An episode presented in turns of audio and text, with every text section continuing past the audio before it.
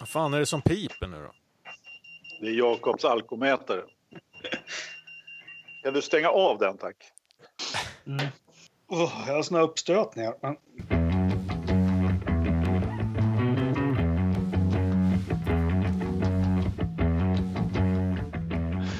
Välkomna till Forza Motorsport-podden och avsnitt 6, Ditt parasoll i Mistralvinden. Och eh, likt en Formel 1-förare har vi blåst åt lite alla olika håll och sitter utspridda i Europa. Själv sitter jag i Stockholm och Anders, var befinner du dig den här gången? Jag befinner mig i den fantastiska staden Berlin eh, eh, eh just i detta nu och eh, eh, tittar ut över floden Spree. Du vet om att Österrikes Grand Prix körs i Spielberg och inte i Berlin va? Jag ska åka lite söderut eh, snart. Eh, ja. Men kanske inte riktigt ända till Spielberg, men, men jag jobbar på det. Jakob, var hittar vi dig? Ja, som kommunalanställd så räckte pengarna bara till Rättvik så jag sitter i, på Lerdal i Rättvik och blickar ut över en spegelblank Siljan. Och Ternström, du försörjer dig på svensk motorsport så du har väl inte rest långt? Som, eh, som frilansare så får jag ju sitta hemma den här gången. Det är bra. Hörrni, vi har Frankrikes Grand Prix att prata ner. Eh, Paul Ricard gjorde en återkomst och när var vi senast på Paul Ricard, Jakob? 1990. Tycker du det var bättre den här gången? Nej. Nej, såklart. Uh, nej, men uh, jag såg lopp. Det var ett händelserikt lopp. Uh, vi har gnällt jättemycket. det var ett artificiellt lopp. Tycker du? Ja, på något vis. Men det var mycket omkörningar. Det var ja, men mycket DRS-omkörningar och lite platsväxlingar och någon krock och så. Men nej, det slog inte an hos mig riktigt det här loppet. Det var ju ändå ett lopp som bjöd på betydligt mer fighter på banan. Åtminstone hos mig en känsla av att det var förare som fick ta i lite och i alla fall köra lite fort. Och det var fighter, förutom Vettel och Botta som tog sig upp i fältet efter sin lilla misshapp i starten så var det ju riktigt tight strid i mittfältet. Är inte det bra? Jo, det var väl bra. Eh, jag skulle vilja säga att eh, eh, jag tyckte också att det var rätt artificiellt. Jag som förmodligen den enda här i sällskapet inte har så mycket emot eh, eh, DRS-omkörningar. Men ja, det, det, var lite artificiellt. Jag vet inte riktigt hur vi ska, eh, hur jag ska sammanfatta det, men efter startkraschen där så de pratar ju om att ta bort chikanen nu till nästa år då på Mistralrakan och det kanske blir bättre. Jag vet inte. Det sägs att motvinden påverkade och underlättade för... Jag tror till Vettel sa väl också att han hade hjälp av, av hur vinden slog och att de andra förarna hade motvind så det gav ännu mer effekt med DRS. Um, kan det ha påverkat? Att det kanske inte var så mycket DRS-zonerna som det var fel på som det var vädret. Vad säger du Jakob? Ja, men jo, jag läste faktiskt om det också personligen. Jag har haft motvind hela livet och det har jag aldrig varit hjälpt av. Men äh, ja. Nej, men alla andra som har passerat dig, de har ju ja, hjälpt av det. Precis, alla som har svischat förbi. Jo, men det var väl, ja men det är väl ganska logiskt också att motvind äh, påverkar DRSen ännu mer positivt. Fernström, du har, du, har, du har varit tyst här i inledningen. Eh, ja. Sågar du Frankrikes Grand Prix i helgen eller tyckte du att det var, det var som förr? Nej, som förr kan det ju inte ha varit eftersom allting var bättre förr. Men, eh, nej, men det, här var väl, eh, det här var väl lite mer intressant än eh, de två tidigare racen eh, under, min, under, mitt, under min senaste Viasat abonnemangsperiod får man väl säga. Ja, just men, det, tredje gången gilt. Och... Ja, men eh, jag vill börja hålla med. Jag tycker eh, visst, det var rätt många omkörningar, men eh, det var ju, eller rättare sagt, det var förbikörningar skulle jag vilja säga. Mm. Eh, det var ju inte så jädra spännande med eh, den där DRS-zonen där. Det, det, det, får man ju lov att säga. Och sen så var det väl eh, eh, den dramatik som vi fick oss till del, den var ju lite grann orsakad av det som hände under det första varvet. Ehm, men i övrigt så hände det inte sådär jättemycket intressant, tycker jag. De brummade ju på liksom i, i, i sina eh, positioner. Den, eh, det, det, enda som hände, det enda som hände var väl att Marcus sjönk genom fältet lite grann där efter en, en, en bra start. Ja, nu fick ju Hamilton ett ganska lätt race eftersom allting hände bakom honom i starten och sen kunde han bara kontrollera det. Frågan är ju hur, om Fett, hade Vettel och Ferrari kunnat utmana Hamilton? Hade det kunnat bli en riktigt tight strid om inte Vettel hade ställt till det för sig själv i starten tror vi? Jag satt och funderade på det under hela loppet faktiskt, men jag kom nog inte fram till någonting. Men det, det skulle varit ett spännande scenario. Sen tycker jag Fettel också, han hade ju otroligt stökigt. Jag har inte läst eller hört någon annan säga, men såg inte ni... Han var ju på Bottas i början, så han var ju på någon till där, eh, några kurvor efteråt. Sen har han ju tydligen varit på Magnusen också och knuffat på, så han hade ett riktigt kuvatt första varv. Han, han vände väl på Alonso va? Ja, det gjorde han också, men ni såg inte... Men det var, det var väl knappt kontakt mellan de två? Var det inte att Vettel egentligen rundade Alonso på ytten? Och ja, fast det var ingen av er som såg första varvet. Han var på någon mer också och stötte i.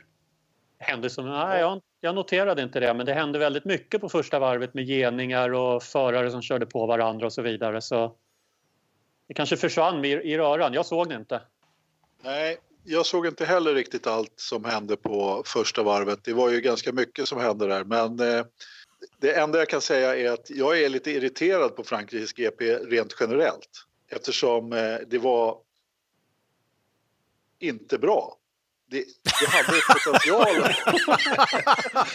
Uttömmande analys. Ja, men nu ska ja, Anders ha sin raksträcka i tio Vad, Vadå rent generellt? Nej, jag begriper Nej, ingenting. Jag, Nej, jag, nej, alltså anledningen till, alltså du var inne på det där Ternström. Jag tyckte ju liksom att eh, Marcus lopp var ju, om vi pratar Marcus, det var ju en ren katastrof. Alltså jag läste efteråt att det fanns ingenting att klaga på hans körning. Eh, jag tyckte han var, alltså det, jag börjar bli på allvar oroad över hans form. Liksom. Han har ju ingenting att komma med mot Leclerc. Det är liksom, det funkar inte överhuvudtaget. Hans första varv eh, eh efter starten, han är ingenstans. Och jag, menar, jag är, som ni kanske har hört förut, ganska positiv över Marcus rent generellt och tror att han har en extremt bra, eller tycker att han har en bra racecraft. Det, är någonting som inte finns där helt enkelt. Visst, han gjorde andra stinten var hyfsad, men nej, det funkar bara inte. Han skulle ha hållit Van Dorn. Gjorde han liksom, nej, Mm. Ja, men jag, jag håller med där. Det, eh, sen när man hör eh, Marcus eh, intervjuas efteråt så eh, det finns ett mönster i de där intervjuerna också tycker jag, när det inte går bra. Det, det, det ofta, ofta så handlar det om att eh, ja, bilen gick inte bra på på, eh, på de ena, ena däcken, på den andra gick den bättre. Men det finns ingen riktig förklaring där till varför det inte funkar. Och det där eh, gör mig lite orolig för att om man inte har någon aning om vart problemet ligger så lär man ju inte lösa det heller framöver. Nej men precis. Jag menar, var det någon gång han skulle ha varit 11 så var det idag. Eller i, i söndags med den. liksom, mm. efter, han skulle ha varit i hälarna på Leclerc. Absolut. Nej, men han, Nej, han, han, på Leclerc så det här var ju en helg när han dessutom tog ytterligare ett kliv framåt. Uh, nu har han gjort det många helger Det här var ytterligare en helg då han tog och gjorde en fantastisk insats. Uh, kanske lite svagare i loppet, men det kanske var Sauben som inte riktigt var. Sen är jag lite fundersam över vad Sauber hade för strategi på Leclerc eller Clark i, i, i det här racet att de lät honom vara ute så himla länge i första stinten. Det, det. Det, det, det, kan ju ha varit så att de, eh, att de inväntade, inväntade ett regnväder som aldrig kom. Och, och, och då kan jag ju tycka, vi har ju sett Sauber eh, eh de har ju inte varit så jädra bra på att välja strategier tidigare. Eh, de är ju inte kända för det. Eh, och i så fall så är det ju ett fall av att eh, mycket vill ha mer.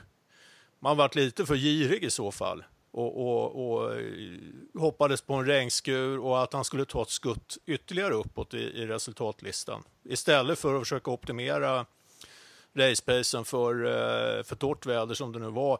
För det, då hade han i alla fall inte förlorat någonting, vilket han gjorde nu, på att lägga ute för länge. Ja, men så kan det vara. Så kan det vara. Det kan definitivt vara så att man hade en regnskur som i princip alla sa skulle komma, som aldrig kom. Men är, är inte det någonting vi har lärt oss av F1 på senaste tiden? Så fort de säger att det kommer en regnskur och det är si och så många procents chans för regn och så klipper vi in lite radarbilder i tv-skärmen så vet vi att det här blir ett torrt race fram till målgång och sen fem minuter senare kommer regnet. Jag, jag, raljerar, jag raljerar lite men det, det, det har varit flera race nu och jag kanske överdriver, men där, där de har pratat om att det kommer att komma regn, det finns chans för regn, det här kan spicea upp det hela, det här kan ställa till det och så blir det ingenting. Så som team kan man ju inte åka och vänta på att ett eventuellt regn ska komma. Nej, men lås oss lite vid Marcus. Jag håller med ni som Jag var otroligt besviken och otroligt bekymrad, men det kändes som det fanns ju goda ursäkter den här helgen, eh, men han tog sig till Q2 och det verkar man vara lite övernöjd med. Jag tycker inte det riktigt duger när stallkamraten sätter bilen på en åttonde plats. Sen hade han ju faktiskt otur där att han satt eld på bilen i, i träning två var det va? Ja, eller otur. Tre, det, det, finns, det har inte kom, framkommit någon eh, förklaring till varför mm. han åkte av egentligen. Så att åkte han av mm. för egen maskin så hamnar inte det på pluskontot direkt. Nej, nej, det håller jag med om. Men det jag skulle komma till med, med otur, det var ju, ni vet ju att jag är Rainman-historiker, att eh, det var frapperande hur lång tid det tog att släcka den där bilen. Och, och man var ju där och testkörde 1986 på Paul Ricard när Elio De Angeles krockade mot räcke och bilen hamnade upp och ner och han brann ihjäl. Det tog 30 minuter innan de kunde släcka hans bil då i Frankrike och de verkar inte ha förbättrat sig nu. Ja, men nu kör de ju med elhybridbilar och det är ju bara skräp. Det vet ja, vi ju. Framförallt när det brinner. I och för sig. Alltså, om, om den här avkörningen var någonting annat än ett, någon form av tekniskt eh, problem då ska jag äta upp den där mikrofonen som du har framför dig Ternström. Men de har ju inte sagt, de har inte sagt att det är något tekniskt fel och det enda de faktiskt gick ut och sa var att eh, vi hittar ingenting på data. Det enda vi kan misstänka är att det är vinden som ställde till det men det är osannolikt att vinden ställer till det. Eh, det låter ju inte som teamet själva är särskilt övertygade om att det blir att det var tekniskt alltså, fel om, ja, men, du vet ju själv, du har varit med så pass länge så att du vet att om man kör långsammare i en kurva, eh, går över kurven på samma sätt, eh, på samma sätt som man har gjort tidigare, så ja, då åker man inte av på det sättet. Då är det någonting som händer i bilen. Sen om man kan se det på loggarna efteråt på eh, exakt vad det är som händer så ja, nej, alltså att, att lägga det på Marcus konto som eh, för att han är en dålig förare, det köper inte jag. Då får ni säga vad ni vill. Så är det inte. Det är klart vi säger vad vi vill. Alla kan göra misstag. det får du inte. Eller rättare ja, men jag, kan, jag, håller, jag håller med om att hans race var en besvikelse. Sen ska man ju se hela hans helg med bakgrund av att han missade hela FP2 och att FP3 regnade bort. Så att, ja, eh, att komma in ja. utifrån det och sätta bilen i Q2, jättebra. Att falla tillbaka som han gjorde i racet, mindre bra. Olyckligt i, i det hela är ju att Leclerc gör ytterligare en riktig kanonhelg eh, och tar ja, ytterligare ett steg framåt. Han bara fortsätter att utveckla sig hela tiden. Och, jag, jag, vet inte, hur långt var han efter i Q2 nu? Eh, jag tror att det var... Sju, sju eller åtta tiondelar. Ja, och, och det är ju alldeles för mycket igen. Ja. Eller så har vi lärt oss att det är knappt någonting. men, i, ja, men, men det är dubbelt så mycket som knappt någonting. Ja, är, exakt. 100 procent mer. Ja. Eh, men i, i, i Q1 så var han ju då knappt, eh, eller strax över en tiondel ja. bakom. Mm. Och det är ju där han ska vara. Mm. Och det är ju då, det är då som, som han är med, så att säga. Och, och, och, och, och när han gör det här misstaget i, på sitt sista försök i Q2 så, ja, Nej, men det, är ju, det har vi ju sett förut att han gör den typen av misstag. Så är det. Inte bra. Några ord från våra sponsorer. Tävlar du i en enhetsserie? Hänger du inte riktigt med på rakorna och önskar att du skulle kunna bryta den där plomberingen på motorn för att få de där 10 hästarna till? Har lösningen. Beställ plomberingar av Camaro Freddys Elite. 365 spänn för 10 stycken plomberingar. Ange Forza Motorsport som rabattkod och du får dem för 350 kronor och du får en keps på köpet. Beställ på camarofreddis.se. Några som hade det riktigt jäkla motigt, för i den här podden får vi svära nämligen. Det var ju McLaren. Ja. Eh, vunnit ett race sedan 2012. Det var för övrigt senast Williams vann ett race. Så McLaren och Williams som vi alla har växt upp med som lite grann av superteam i Formel 1 har inte vunnit ett race sedan 2012 och hade en helg i Frankrike då båda var helt under isen. För man kan väl inte bli... Williams är ju under isen hela den här säsongen och McLaren kan man ju inte säga någonting annat än att de var en katastrof. Vad är det som händer? Van, Van hade ju uppenbarligen fart och köra om Marcus. Mm. Och vad, vad det nu var för någonting. Okej, så han körde om en Sauber. Det var starkt. Ja, om det ändå hade varit Leclerc, Leclerc som han hade kört om så eh, Leclerc. hade det ju kanske varit en merit. Men, eh, nej, men man får ju säga att Van Dorn gjorde väl en ganska skaplig helg ändå. Alltså. Tyckte han matchade Alonso eh, lite bättre än vad han har gjort tidigare. Men teamet som helhet eh, svarar för en fullständigt katastrofal insats. Och, och man undrar ju vad tusan är det som har gått snett? Och det här är ju inte en, eh, det här är ju inte en svacka som började i år, utan det har varit en stadigt nedåtgående trend under ett par år för eh, McLaren.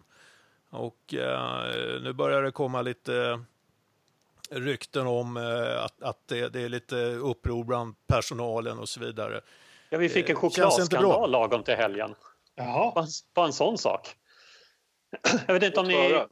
Ja, det var ju ja, den är bra. McLaren, McLaren, den är bra. McLarens ledning hade beslutat sig för att belöna personalen i McLaren som tack för allt hårt arbete med att de fick lite extra choklad, lite Fredo-choklad. Märket hette Fredo.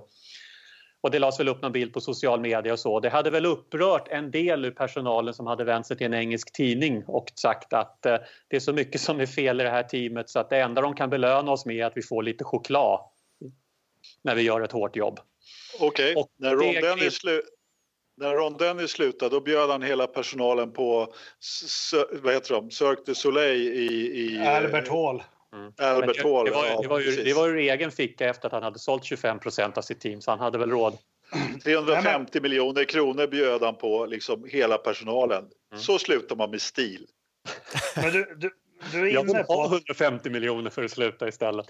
Ja, ja. Du är in, inne på, alltså McLaren har man ju känt, vi har ju diskuterat lite utanför podden, man har ju en viss hatkärlek, men om man tittar på deras historik kanske från 70, 80-talet, 90-talet hela tiden, eh, vad som är, man, man, vi vet ju ingenting, vi är inte initierade, vi kan ju bara spekulera, men vi kan ha ganska bra spekulationer jag undrar egentligen vad det är som har gått fel.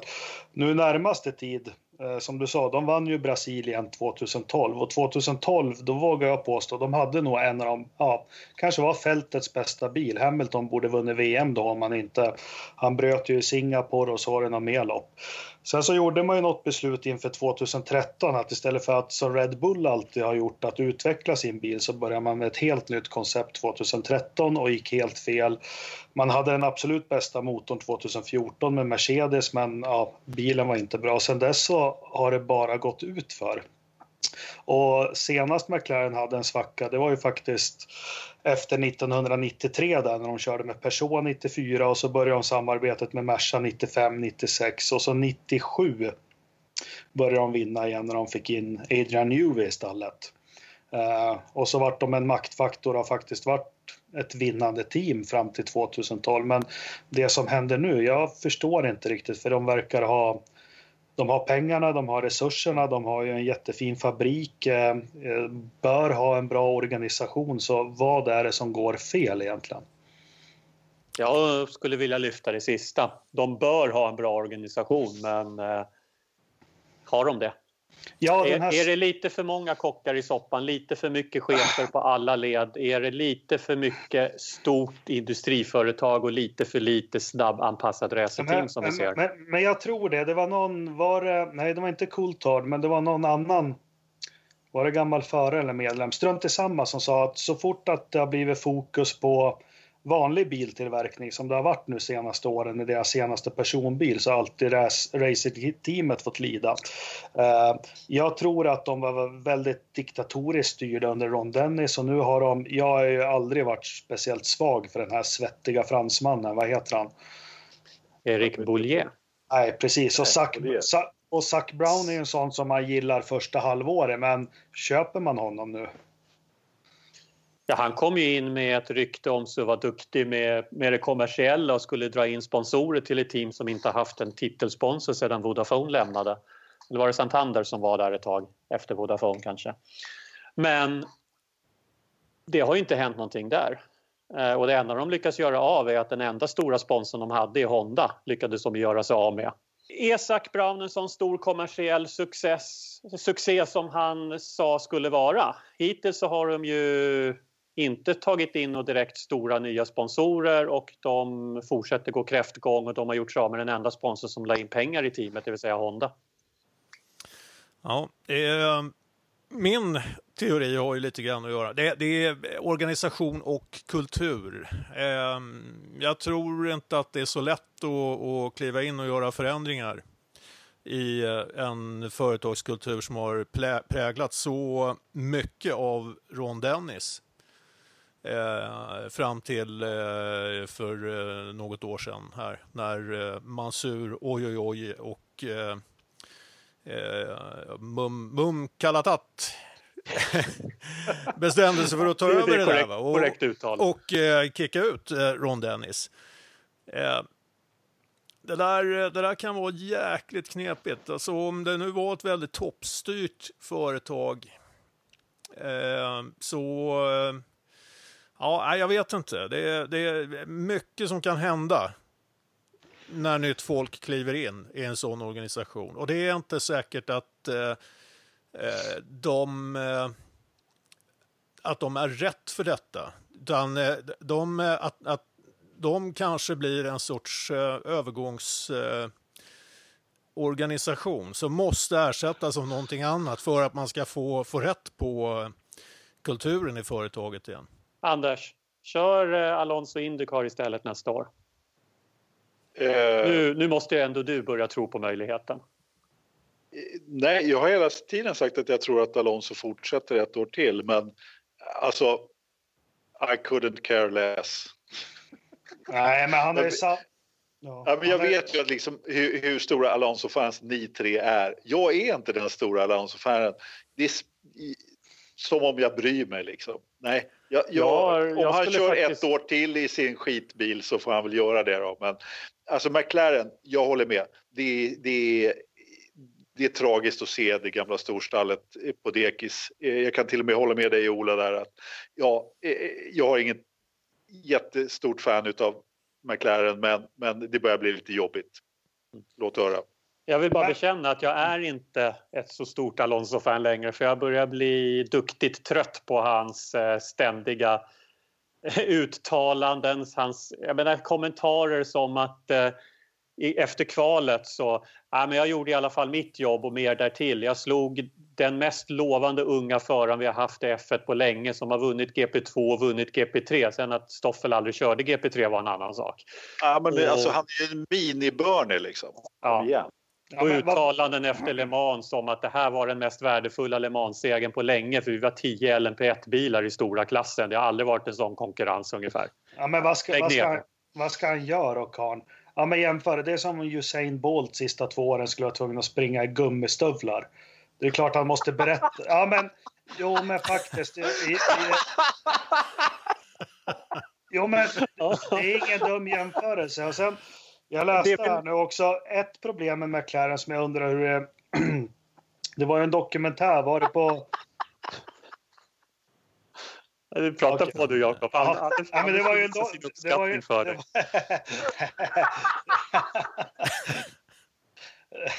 ja, det jag vill säga emot i liknelse med Usain Bolt och gummistövlarna är att Usain, hade Usain Bolt själv valt att springa i gummistövlar och sen gnällt över det Då, han- då har han varit i likhet med Alonso. För Alonso har valt de gummistövlar han har på sig och det är han själv som har satt sig i den Ja, men det kan vara så här. här. Usain Bolt, han bara, nu skriver jag på för Adidas. Så börjar de tillverka gummistövlar istället för spikskor.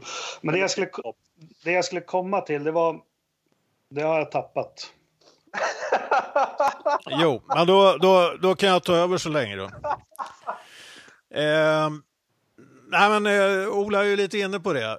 Alonso har ju försatt sig själv lite grann i den här situationen och, och eh, han eh, ibland så snackar han lite för mycket tror jag och eh, det gör att hans valmöjligheter de blir inte så himla stora när han befinner sig i den här situationen. Och eh, vet vi vad McLaren kommer att köra med för motor i eh, Indycar om de Ja, men den är lite, den är Ja, lite men det, rolig. ja, men för det är Honda. Han har ju bränt sina Ja. broar med Honda. Det jag skulle komma till, jo, det var, det var ju en dokumentär om McLaren som gick ut på Netflix var det va? Och det som oroar mig jättemycket, för vi lever ju alla i tron att de har världens finaste fabrik, de har ju en fastighet som är herrejösses, de har bra med pengar och allting. När man såg den här dokumentären, då, de hade det jättetajt att få ut bilen till testen med rätt grejer. Och nu läser jag också att Alonso, det var någon mer från stallet som uttalade sig att vi kommer bara med uppdateringar var tredje lopp. Alla andra kommer med uppdateringar varje lopp. Så jag undrar hur det står till med processer i fabriken och ekonomi och, och, och kompetens och allting. För bevisligen så har de inte uppdateringar. Och det är kanske därför det här som hände i Frankrike blev det blev så synbart att de var så långt efter. De kanske inte hade något nytt att sätta på bilen. Ja, nej, det, det, du sa mycket på en gång där. Det jag skulle säga just, det var det du var inne på Jakob med, med Indycar och Honda är ju att nu ska man väl ta allt man läser med en nypa salt men en förutsättning för McLarens Indycar-satsning med Alonso är ju att Honda USA eller Honda överhuvudtaget är med och betalar för den. Och de eh, ska ha sagt mer eller mindre, det, det har vi inte det minsta intresse av. Vi lever, kan leverera motorer till er som vi gör till andra team men vi tänker inte betala för Alonso igen. Apropå brända Engine. broar. Indy Light Engine. Indy Light Engine. Skip Barber Engine, Skip Barber Engine. Är du trött på att betala dyra pengar för att se motorsport på TV? Swisha 50 spänn till 072 349 9121 du får ett sms med länk till en fullstream som gäller hela året.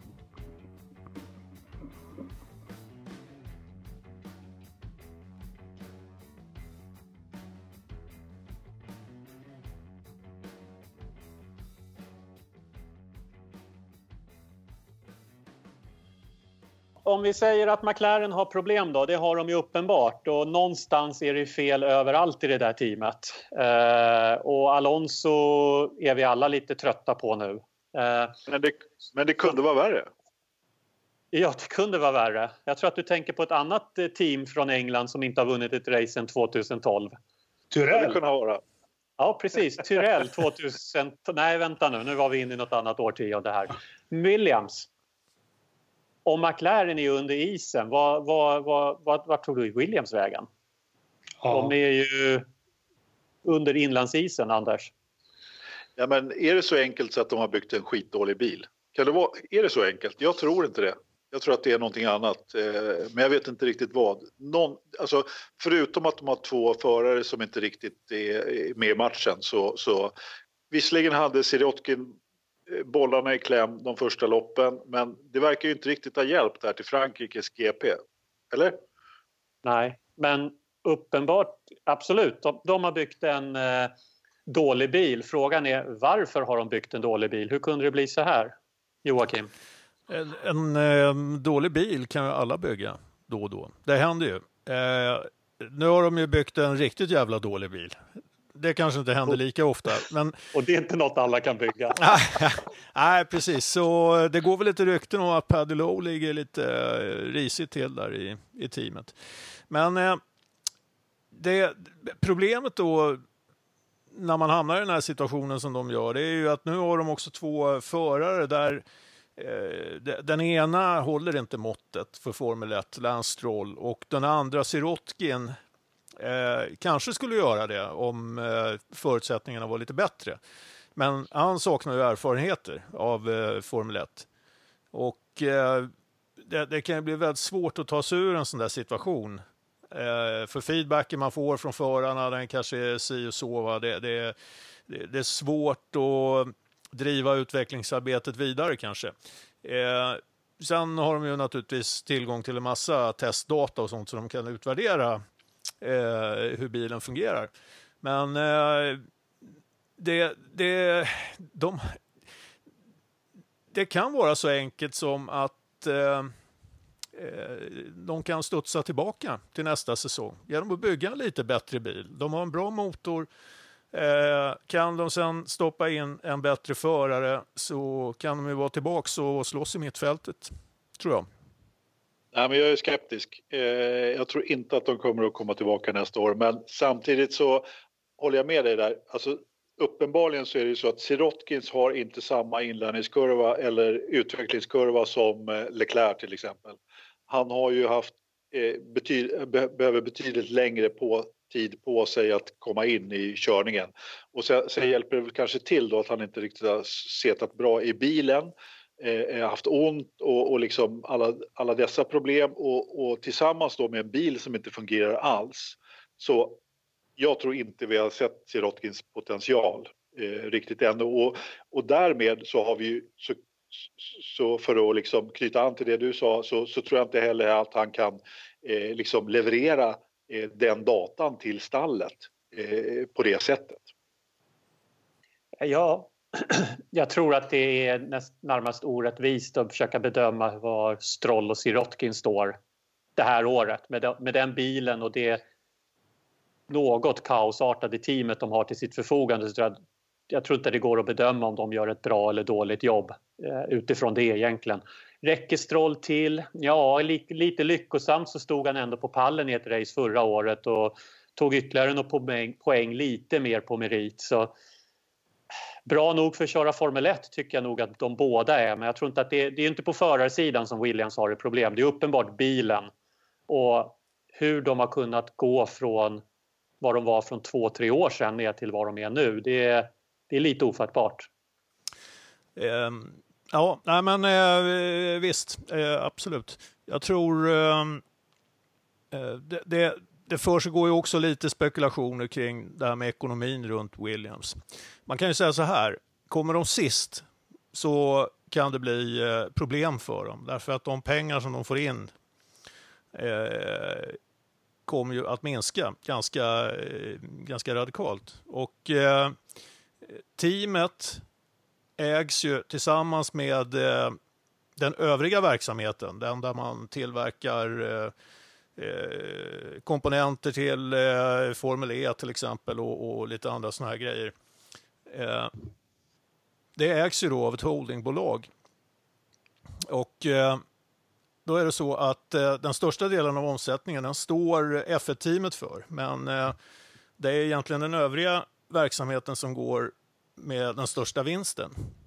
Eh, och det här är ju ett börsnoterat företag. Eh, jag tror att de får svårt att eh, låta eh, den här ingenjörsdelen börja subventionera F1-delen om pengarna skulle börja tryta på F1-sidan. Alltså de kommer att vara skyldiga gentemot sina eh, aktieägare och så vidare att eh, antingen sälja ut F1-teamet eller lägga ner det. Så att där, där, där, där tror jag det, det, är en ganska... Eh, där, där löper de en stor risk va? att eh, hamna i lite trångmål med själva F1-verksamheten. Men var står den övriga verksamheten om de inte har F1-teamet, det vill säga dragplåstret från att de har ett F1-team? Det känns ju lite grann som att det är så de tar in affärerna idag. Vi är ett F1-team som också har en konsultingenjörs tillverkningskapacitet i, i andra ändan. Men vad, eh, vad, vad, står den verksamheten om de inte har ett F1-team längre? Nej, men, du, du är inne på det. Eh, vad de tar in pengar och så. Och det är väl...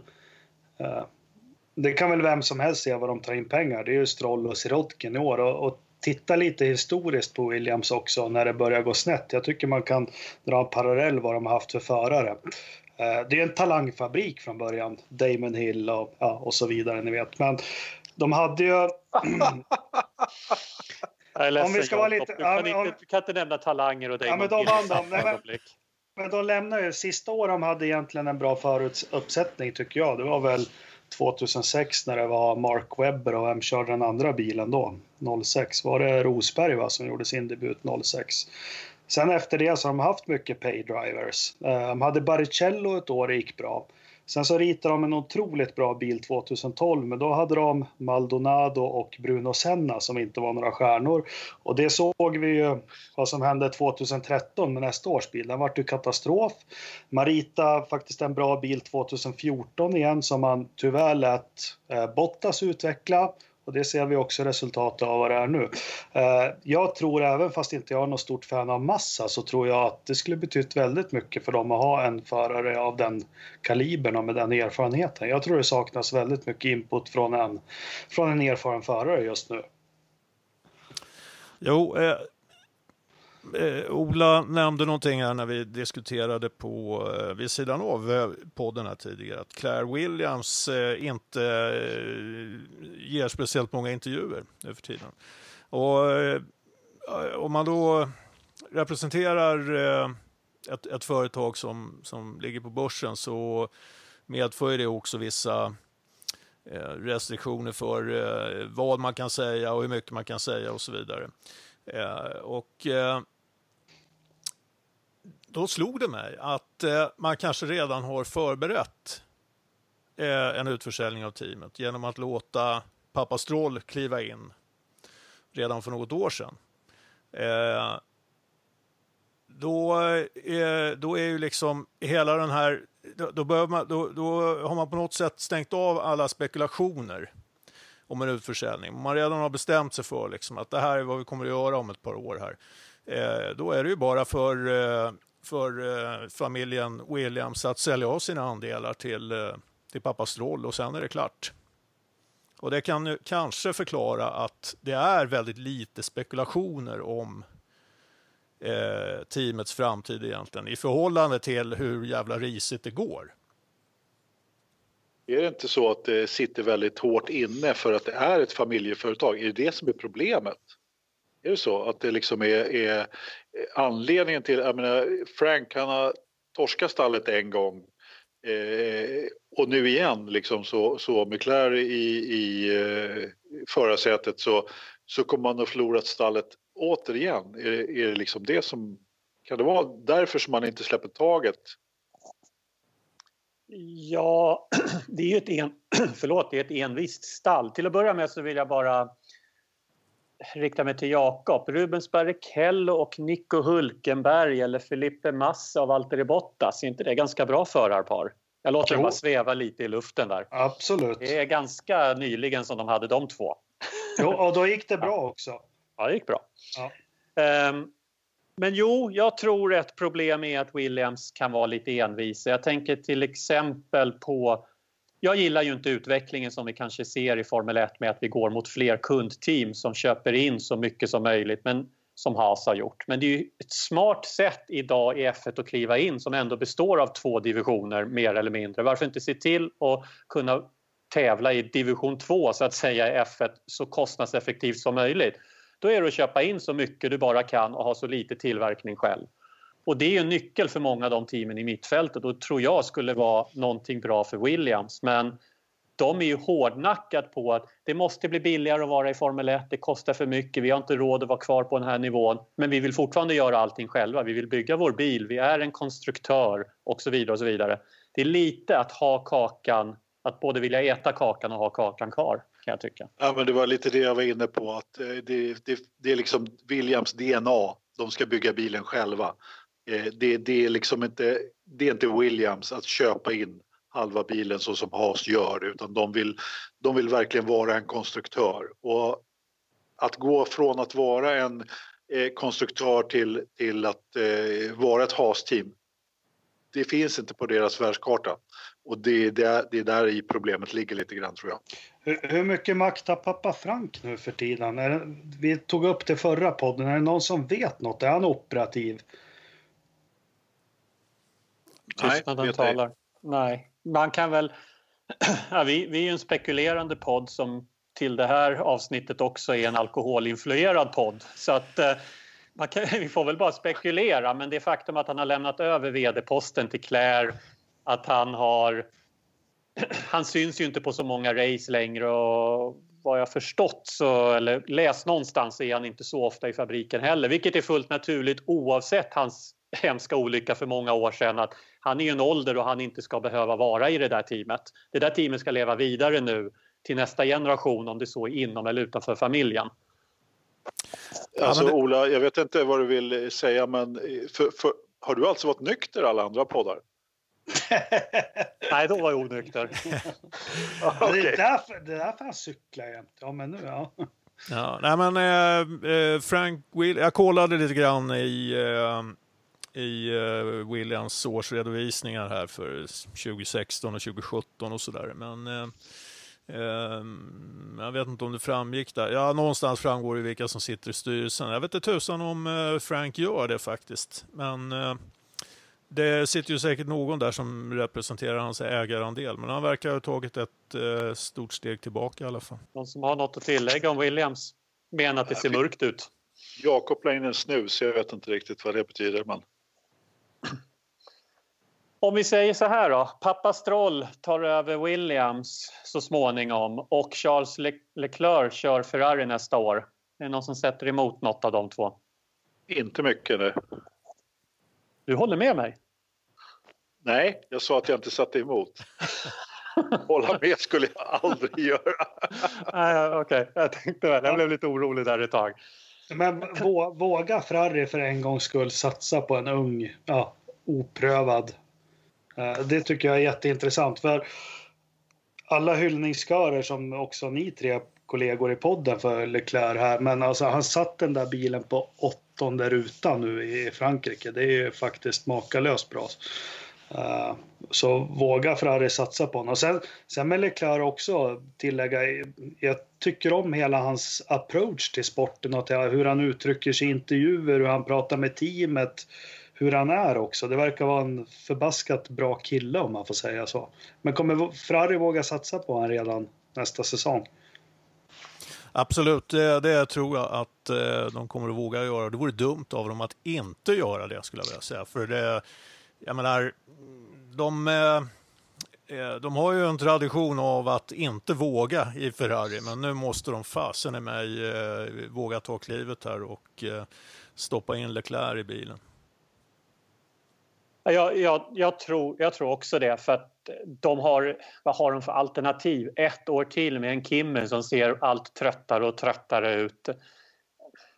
Och det säger jag när han tog en pallplats i helgen men och Leclerc går, tar, tar eh, kliv helg för helg nu. Eh, om det är någon gång Ferrari ska våga chansa inom citationstecken så är det väl, så är det väl nu. Kim, Kimi har gjort sitt.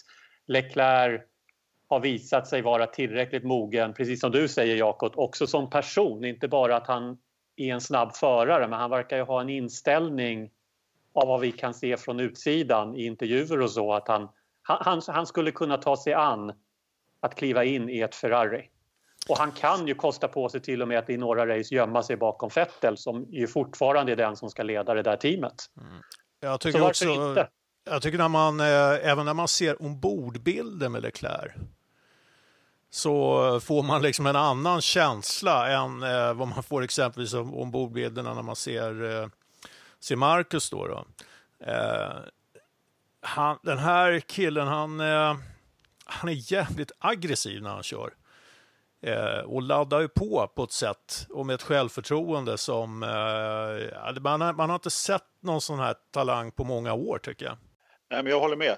Det är, det är verkligen så att eh, eh jag har sagt hela tiden att eh, Kimi inte kör ett år till och, och, varje gång Leclerc tar poäng så, så känner jag att det bekräftar det hela och killen har en inlärningskurva som är extrem på något sätt. Han, han liksom, det tog, tog honom två lopp att komma underfund med Sauberbilen. Det tog honom två lopp att få fart och han har tagit lopp, eh, poäng i vad är det, fyra av fem race på sista tiden. Det var, det var Monaco som var eh, debaclet där han körde slut på bromsarna och gjorde ett misstag. Men vad fan, eh, eh, killen är ju liksom ingen, eh, är ju inte direkt lastgammal och inte erfarenheten själv. Så att, och precis som ni säger, ska Ferrari ta in en eh, junior, om vi får kalla honom det, så är det nu de ska göra det. Och den enda som ska vara oroad av det, det är Sebastian Vettel. Eh, man, man tittar tillbaks på Leclercs ganska korta karriär så har det varit så här, han behöver inte ha två säsonger i, i varje klass för att lyckas. Utan han har ju gått spikrakt eh, upp till F1 och eh, verkar ha en enormt kort eh, inlärningsperiod, alltså innan han kan börja prestera. Så den, den här eh, den här killen liknar ingenting eh, annat som vi har sett på de senaste åren. Så att, eh, jag skulle verkligen se fram emot att få se honom eh, matchas i en bra bil mot en sån som Fettel. Jag tror han kommer att kunna göra Fettel rätt nervös faktiskt. Ja men precis. Alltså är det någon som ska klå Fettel så är det ju han. Eh, så enkelt är det. Och då har Ferrari en, en ny toppförare efter att Vettel en gång lägger av. Så att då är det egentligen, nej jag håller med. Det är, ta in honom, ta in honom nu. Det, det, det kan bli så att eh, Leclerc blir den som pensionerar Vettel. Det gjorde, inte, gjorde inte Ricciardo det 2014? Nej, vad jag kollade så körde Vettel senaste helgen. Ja, okej. Okay, ja. ja. eh, nej, men 2014, eh, det är som Vettel själv har sagt, gjorde, jag, han gjorde ett dåligt jobb, Ricciardo gjorde ett jättebra jobb och eh, han fick ut av bilen det som inte Vettel lyckades få ut av bilen det året. Och om det sen har andra underliggande orsaker som att eh, han, han, var klar med Red Bull, motivationen låg någon annanstans och dörrarna hade redan öppnat upp hos Ferrari så han hade tankarna på annat håll. Eller, och Renault det året, första året med hybrid var ju under isen. Så tänk dig ha vunnit fyra raka VM och sen helt plötsligt sitter du i en bil som inte ens klarar av första testvarvet i Barcelona. Kanske motivationen tröt lite, men Ricciardo var bättre det året, utan tvekan. Sen tror jag att eh, Leclerc, det är en förare som kommer att bli oerhört populär hos Ferrari-fansen. Alltså han har de här egenskaperna som eh, tidigare favoriter har haft, va? Som, eh, som Berger och Alesi, fast han är en vinnare. Och, eh, eh, så jag, jag, tror att han, kom, han kommer att gå hem utav helskotta. Nu ser jag att Anders viftar här. Han har förstås eh, synpunkter på att Alesi inte skulle ha varit en vinnare, eller? Jag har stora synpunkter, men jag väljer att, att, att låta dem vara. Ja, men du, kan, du, kan hålla, du kan hålla med om att eh, Leclerc har lite av de här eh, eh, karaktärsdragen som man vill se i en Ferrari på något sätt. Nej, men på riktigt. Jag, jag håller med dig till fullt, Ternström. Det är, det är verkligen så att eh, eh, det man ser i Leclerc om han liksom fortsätter på den inslagna vägen så kommer det bli en favoritförare. I, och, och precis som du säger, han kommer att älskas av alla tifosis. Så är det.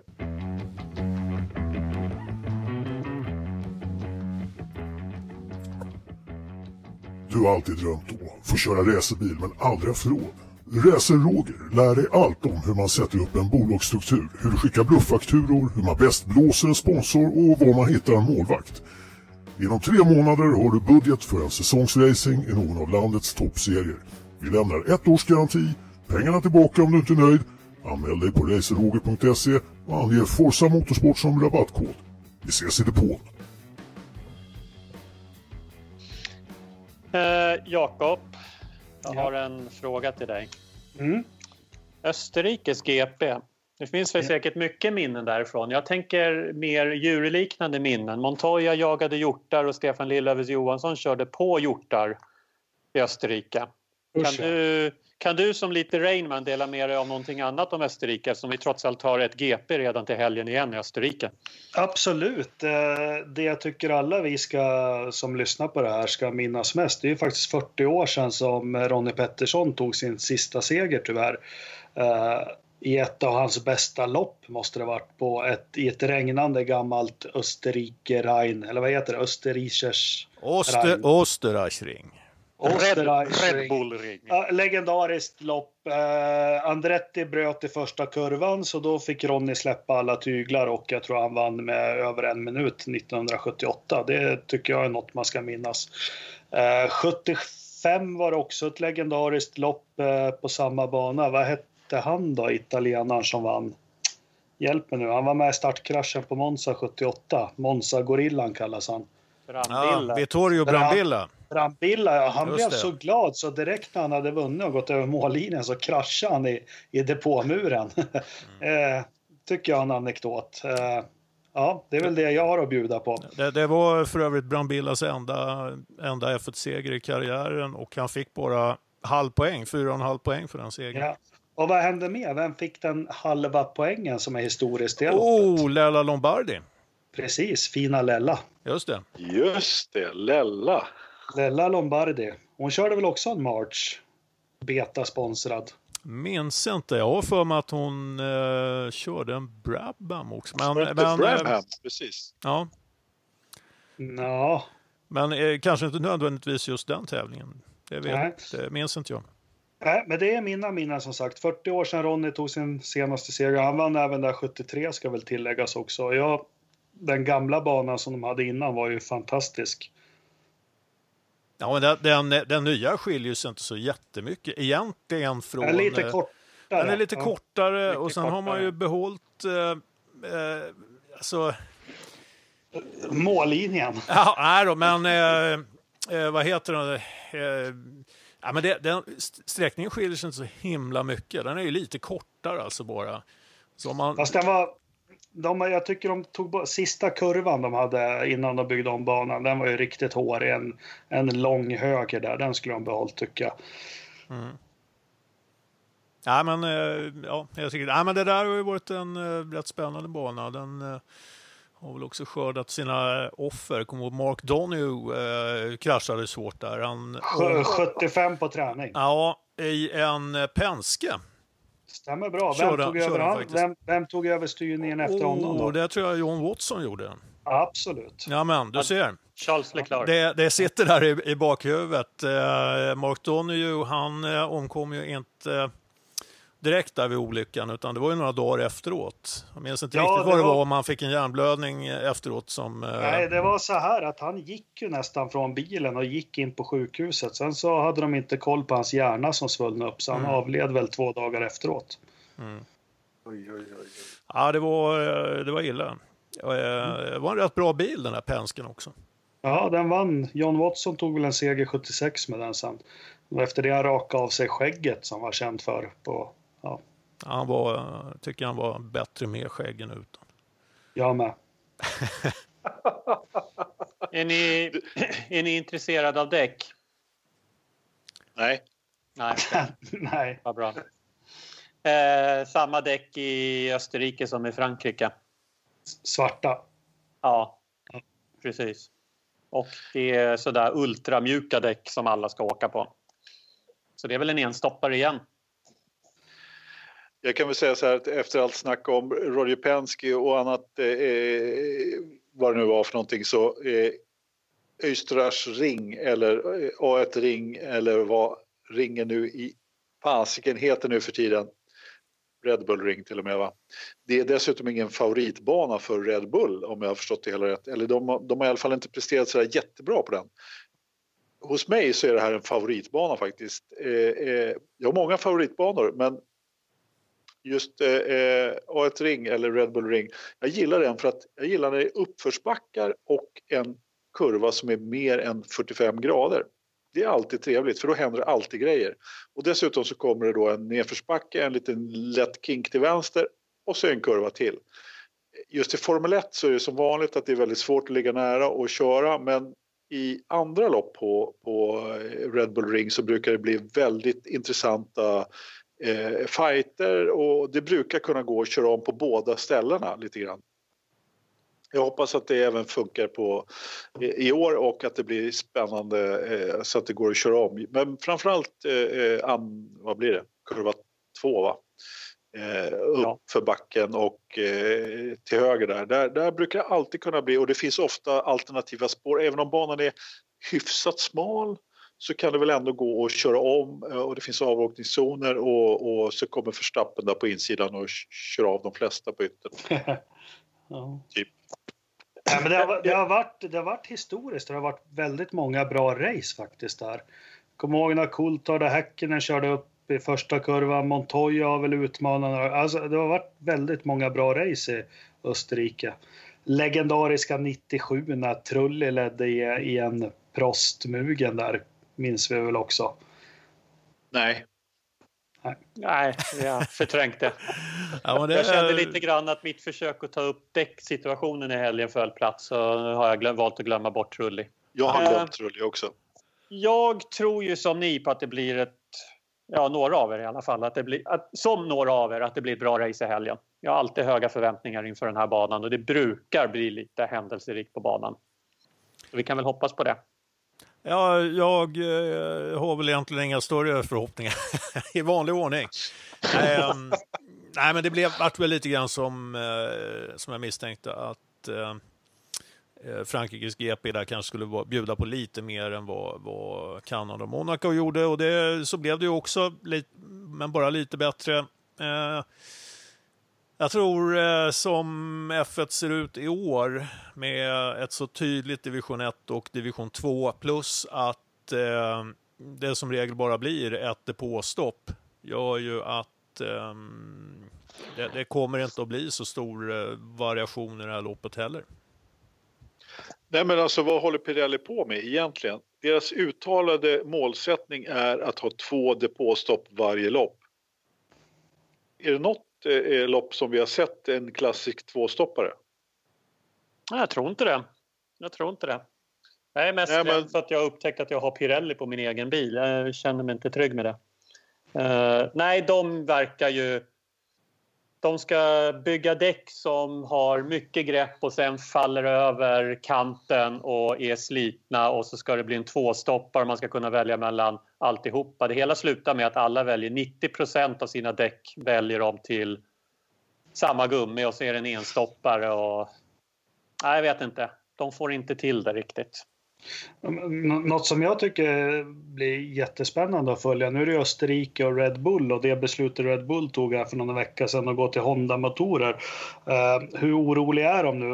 Eh, jag tycker Honda hade inlett året jättebra. Man såg inte de här problemen som var som har varit tidigare då, ihop med McLaren. Nu har jag läst mig till att Gaslys motor pajade efter uppdatering och nu var det Hartleys motor pajade också efter Hondas uppdatering och det var inte identiska fel. Eh, det borde få Helmut och, och, och grabbarna att må lite dåligt. Va, vad säger ni om det? Jag tror, att det, jag tror att det är positivt. De testar alla möjliga och de testar olika saker som kan gå sönder så de är förberedda för allt nästa år. Det är jättebra. Nej, det- jag vet inte om man ska... Jag, det, jag tror att det är ett fullt medvetet beslut de har tagit och vi var väl inne på, inne på mycket i förra avsnittet. Och eventuella motorhaverier i år tror jag inte gör dem mer oroliga utan det är mer hur utvecklingen sker i år och vad de testar fram i år. Och I sedvanlig Red Bull-anda så kan de ju offra Toro Rosso lite grann för att testa sig fram grejer. Pre precis, jag tror att, eh, Eh, eh, att om, eh, om, Toro Rosso har problem med motorerna så gör inte det så mycket. Under förutsättning att man vet vad problemen är och man vet hur man ska lösa dem så tror inte jag att eh, eh Red Bull kommer att vara så himla oroliga.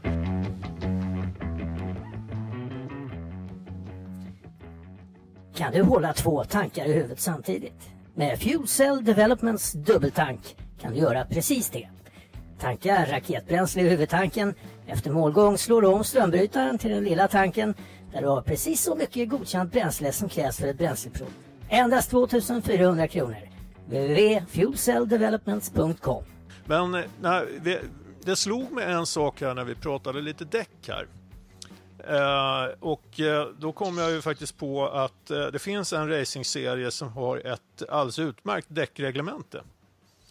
Eh, och det är V8 Thundercars här i Sverige. Och, Nej, eh, vad sa du? Jag hörde lite då. Sa du Indycar i USA? Nej, jag sa V8 Thundercars här i Sverige. Eh, och då är det så här, och då tänkte jag testa den här tanken. Eh, för att eh, i V8 Thundercars, där gör vi som så att deltagarna får eh, ett visst antal däck i början av säsongen. Och de däcken får de hushålla med. Eh, och, eh, eh, och, och, och då är det ju så här då att 18 däck räcker inte hela säsongen som regel. Man blir tvungen att köra på, på eh, gamla däck vid något tillfälle och så vidare. Så att, eh, det kan ofta vara så att eh, eh, deltagare kör inte på optimala däck. De kanske blir tvingade att välja eh, om de ska köra på gamla däck i kvalet eller om de ska spara eh, de gamla däcken till, eh, till racet och så vidare. Och då tänkte jag så här, alltså, varför skulle man inte kunna göra någonting liknande i, eh, i F1?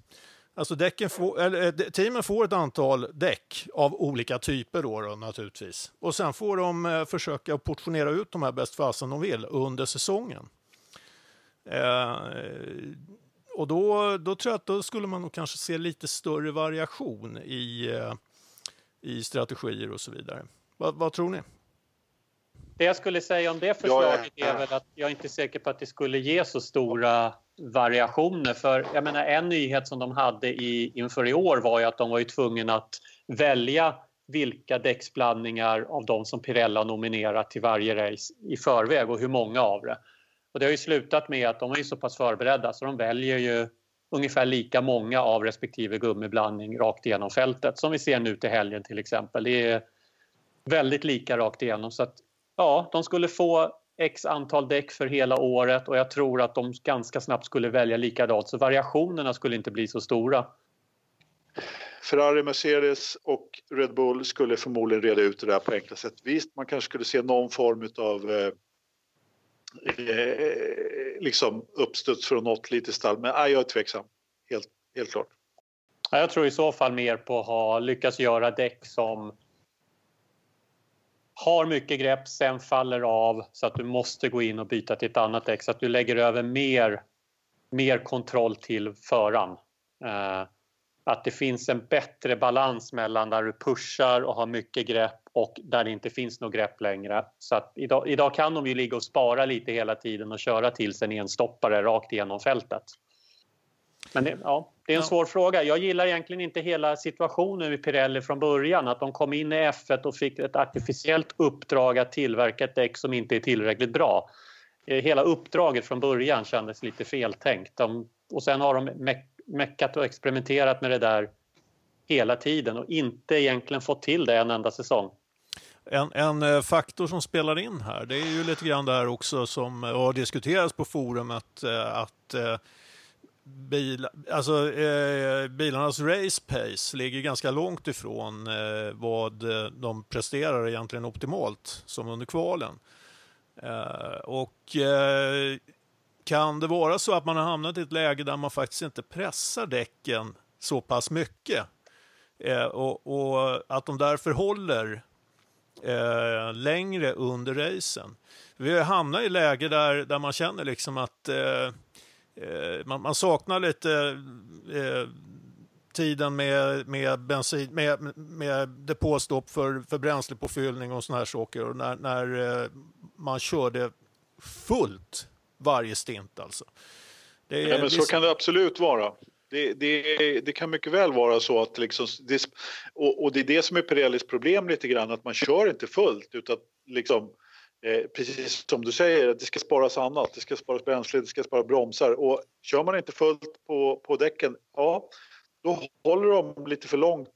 Som vi har sett ganska många lopp nu så, så har de, liksom, de mjukaste eh, gummiblandningarna hållit alldeles för länge för, mot vad, vad, vad uppdraget är sagt så att säga. Svårt, men däcksituationen är inte optimal. Nej, men eh, som sagt, det kanske är mer än bara däcken som eh, ja. som spelar in här. Och, och, och där eh, finns det ju ett jobb att göra för att eh, få till den där ekvationen så att vi får se racing, ordentlig racing, va? där eh, förarna faktiskt får eh, stå på lite grann. Stå på lite mer under racen. Ni håller inte med men jag har ju fört fram det. Jag är för ett däckkrig igen. Jag vill ha in fler tillverkare. Uh, få lite ordning på det här. Sen ja, nostalgiker, nostalgiker som jag är. Jag kommer ihåg när jag började lära mig om Formel 1, om sporten också. Då var det ju inte, då var det ju inte ovanligt att till exempel Niki Lauda satsade ha tre typer av däck och ett fjärde som var av en annan blandning på sin bil. Och Prost kanske körde på något helt annat och fick. Men jag tycker att vi ska ha ett däckkrig igen som det var när Michelin och Bridgestone senast. Jag vet att Ola, Ola gillar enhetsserier, men jag, jag tycker om när de, jag tycker vet, om utveckling. Vet du vad problemet med ett däckskrig är? Idag har vi ett motor Formel 1. Eh, har du inte en fabriksmotor från Mercedes eller Ferrari, då, då ska du vara glad om du kommer trea i mästerskapet. Bättre än så kommer du aldrig att komma vad som var problemet med däckskriget var att eh, Ferrari till exempel fick ju specialdäck som inget annat Bridgestone-team hade access till. Satte alla sina kort helt riktigt på Ferrari Schumacher, ingen annan kom i närheten och däcken har en enorm betydelse för det är det som håller bilen i banan. Och vi fick också olyckliga konsekvenser som att sex bilar går till start i USAs GP för att en däckstillverkare har pushat för mycket och gjort bort sig. Eh, jag, jag, jag har absolut ingenting emot prototypserier. Jag är egentligen inte särskilt förtjust i enhetsserier. Men ett däckskrig vill jag nog inte ha tillbaka i F1 för att då blir eh, det, då, då, blir, då, blir, då blir helt plötsligt, då handlar allting i F1 bara om vilket team som har bäst kontakt med sin däckstillverkare och det är det teamet som kommer att vinna allt. Anders? Jag har bara en sak att säga angående det här. Jag håller helt och hållet med Ola. Tack. Ja, frågan är, finns det, är, skulle däcktillverkarna vara ens intresserade av ett däckkrig? Det finns ju, det, det finns ju inte... Eh, alltså det kommer att kosta oerhört mycket att vinna och det kommer att kosta nästan lika mycket att förlora. Och sen en annan sak, du får inte testa idag. Alltså motorsport är ju den enda sporten idag där utövarna inte får träna på det de ska tävla i. Det är som att säga till en längdskidåkare att ja, men nu väntar OS. Du får åka fyra kilometer på skidorna innan det är dags för tävling. Sen får du åka i simulatorn istället. Du får stå på rullbandet. Och en däckstillverkare som ska in i ett däckskrig och konkurrera varumärke mot varumärke, skulle de acceptera att de inte får testa fram sina produkter? Att... Ni, ni har rätt grabbar, jag håller med er. Inget däckskrig. Vi fortsätter med Pirelli som har haft hundra år på sig och, och försöker göra ett däck som är runt och inte lyckas med det. Så vi kör på det. Skål! Jag vill ha in Avon. Ja, um, ja, Jakob är inte alls bitter. Han är inte bitter, därför kommer Jakob vara först ut nu med veckans förstappen. Han har väl säkert en hel drös av veckans förstappen. Eller har nej, du någon överhuvudtaget? Nej, jag inledde. Jag mår ju alldeles för bra här.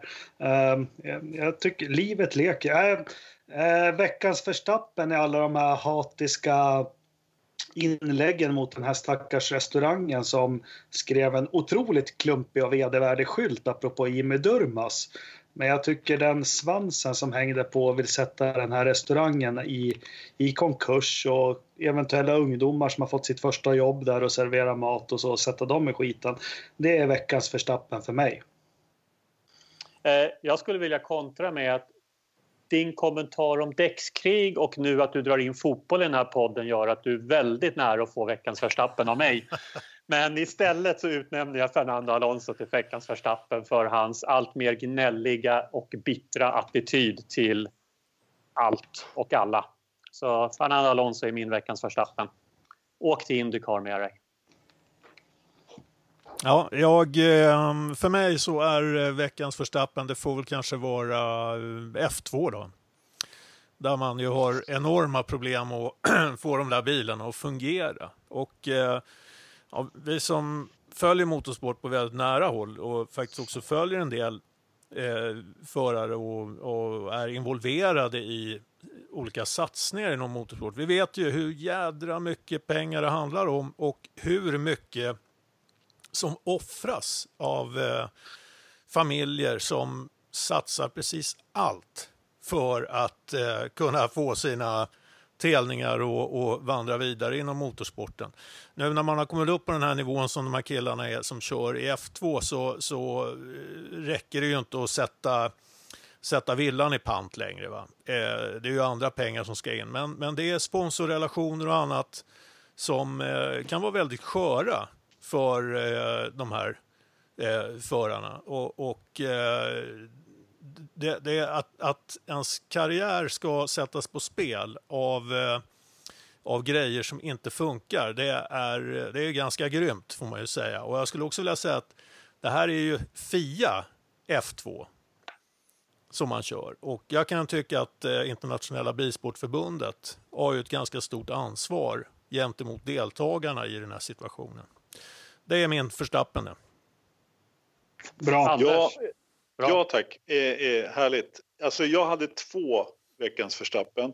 Jag hade en, en klar Versta, veckans Verstappen och en backup Verstappen. Ola tog, det, tog den som jag hade som liksom var färdig. Det var klar veckans Verstappen och Ternström tog min backup Verstappen. Men, men, att, A- Anders, du kan få min backup då. ja, låt höra. Ja, eh, VTCR i, eh, i eh, Spanien var det de körde va? Det var ju en Ja, jättekrasch där, den, den kan du få av mig. I Villarreal, ja det var en jättefin krasch. Den var, den var nästan lika fin som den i, i GTE i Macau senast. Jag har faktiskt en veckans Verstappen nummer tre som, som jag har funderat ut här under tiden som ni, ni pratar och det är ju eh, Verstappen. Verstappen är veckans Verstappen efter sitt uttalande som han gjorde då på presskonferensen med när han tyckte att eh, eh, han pratade lite ironiskt om att de tyckte att eh, han tyckte att Vettel skulle ändra körstil för det hade de ju sagt till honom året när han kraschade fem gånger på fem möjliga eller något sånt där. Så att, eh, det, det säger ju lite grann om insikten i hans eh, eh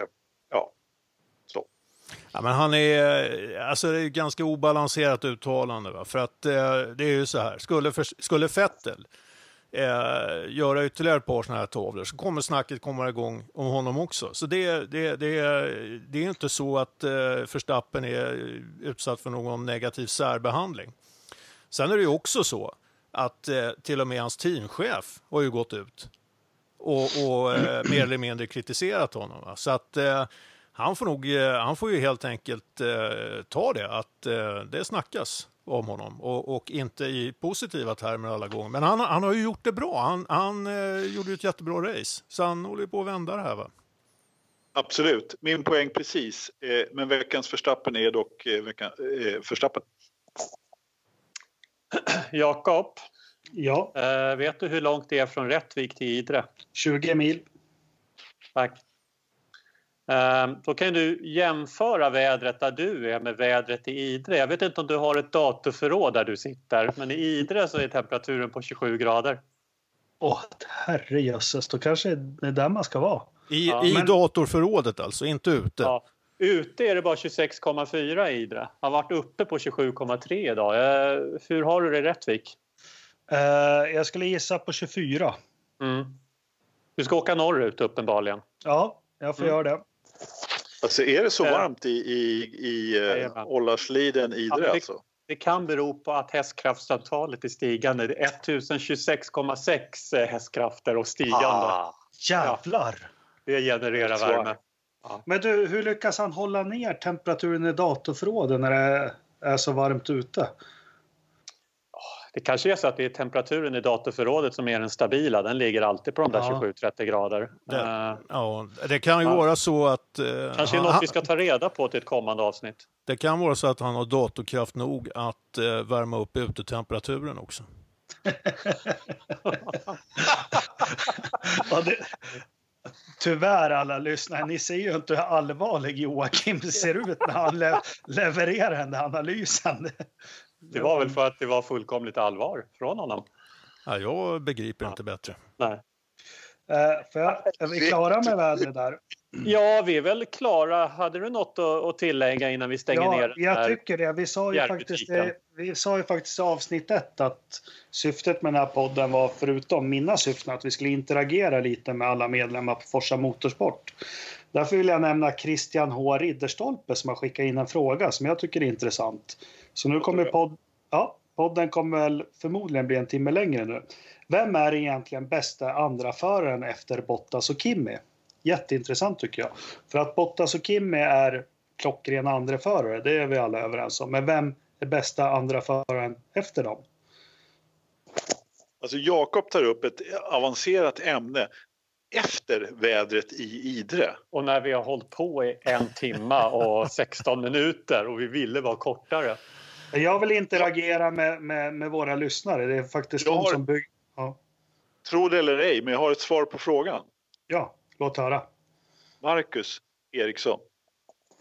Ja, skulle frågan vara tredje förare skulle jag hålla med, men okej, okay, låt gå. Ja, men eh, jag, jag, tror... Um, jag precis. ser ingen som har en andra förarroll medvetet. Eller, ja, jag vet. Men jag, ser, jag, ja, men jag har en viktig poäng här.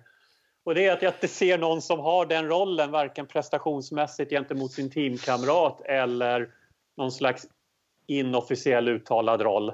Så jag ser in, inte någon annan. Mm. Ja, men jag, jag håller med Ola lite grann, men jag har en förare som eh, kanske inte har den rollen idag, men som eh, skulle fungera utmärkt som en andra förare och det är ju Perez. Det är mitt jag förslag. instämmer. Jag skulle också... Jag skulle, skulle jag... Ja. Ja. jag skulle bara säga det att eh, alla instämmer i att Perez skulle vara en utmärkt andra förare utom han själv. Men sen så måste vi också bara innan vi avslutar att Kimmy och Bottas är till och med odugliga som andra förare.